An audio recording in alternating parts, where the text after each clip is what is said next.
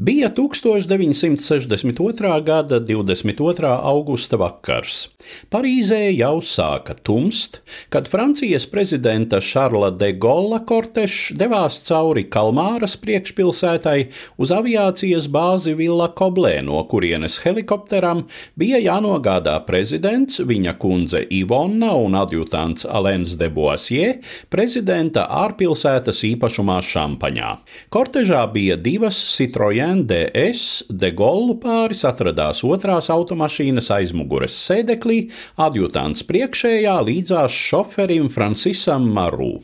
Braucamrīki nu pat bija šķērsojuši Šarla Debrī un Deboā ielu krustojumu, kad no ielas malā stāvoša Renault mikroautobusa pa prezidenta mašīnu tika atklāta automātisko šauteņu uguns. Sašautās priekšējās riepas nolaida gaisu, sašķīda aizmugures durvju stikls, apberot prezidentu un kundzi ar šķembām.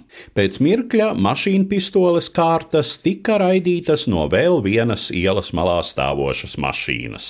Par spīti sašautajām riepām, šoferim Maru izdevās saglabāt Citroen vadāmību un, palielinot ātrumu, pamest uzbrukuma vietu. No 11 atentāta dalībnieku izšautajām vairāk nekā 150 lodēm, De Golla mašīnā trāpīja 14, taču nevienam no tajā sēdošajiem nebija neskrambas. Tomēr, sēžoties helikopterā, De Gauls izmetis adjutantam frāzi, ka šis nu bija par mata tiesu.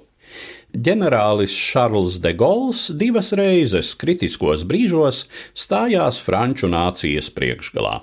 Pirmā reize bija Otrā pasaules kara laikā, kad viņš vadīja Francijas trimdas valdību un brīvās Francijas kustību cīņā pret nacistu okupantiem.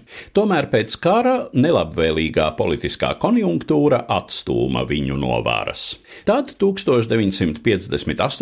gadā Francija nonāca smagā politiski ekonomiskā ekonomiskā krīzē. Pastāvošā izteikti parlamentārā sistēma, kurā liela ietekme bija komunistiem un radikālajiem sociālistiem, acīm redzami netika galā ar saimnieciskajām problēmām un dekolonizācijas procesu. Pēdējais sevišķi akūti izpaudās Alžīras neatkarības karā.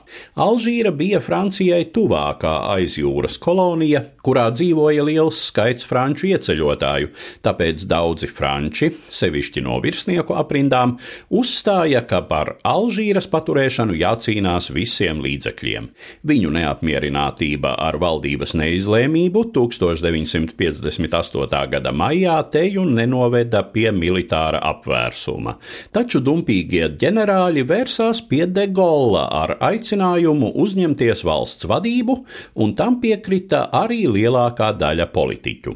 Tā nu De Gauls kļuva par premjeru ar īpašām pilnvarām konstitūcijas reformai, bet dažus mēnešus vēlāk par pirmo Francijas Piektās republikas prezidentu.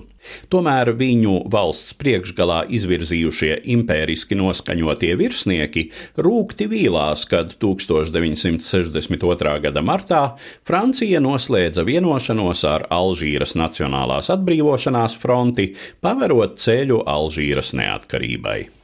22. augusta atentāts tiek piedēvēts impēriski noskaņoto virsnieku dibinātajai slepenajai bruņotajai organizācijai. Tiesa, atentāta galvenais plānotājs un vadītājs pulkveža leitnants Žans Bastiens Terī, viens no vadošajiem tā laika Francijas kaujas raķešu būves ekspertiem, šai organizācijai nepiederēja. Viņu un teju visus viņa līdzbiedrus atklāja un arestēja dažu mēnešu laikā. Bastienam Terī un diviem aktīvākajiem šāvējiem piesprieda nāves sodu, taču to izpildīja tikai grupas vadītājam, abus pārējos prezidents De Gauls apžēloja. Aizstāvība mēģināja pierādīt, ka apsūdzētais vēlējies prezidentu tikai sagūstīt. Nogalināšana bijusi viņa līdzbiedru iniciatīva.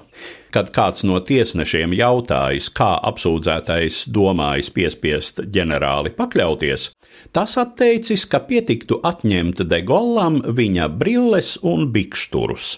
Tie, kuri pazina prezidentu, esot teikuši, ka viņš varētu apžēlot tādu, kurš apdraudējis viņa un viņa sievas dzīvību, bet ne tādu, kurš pie tām atļāvies par viņu publiski pazoboties.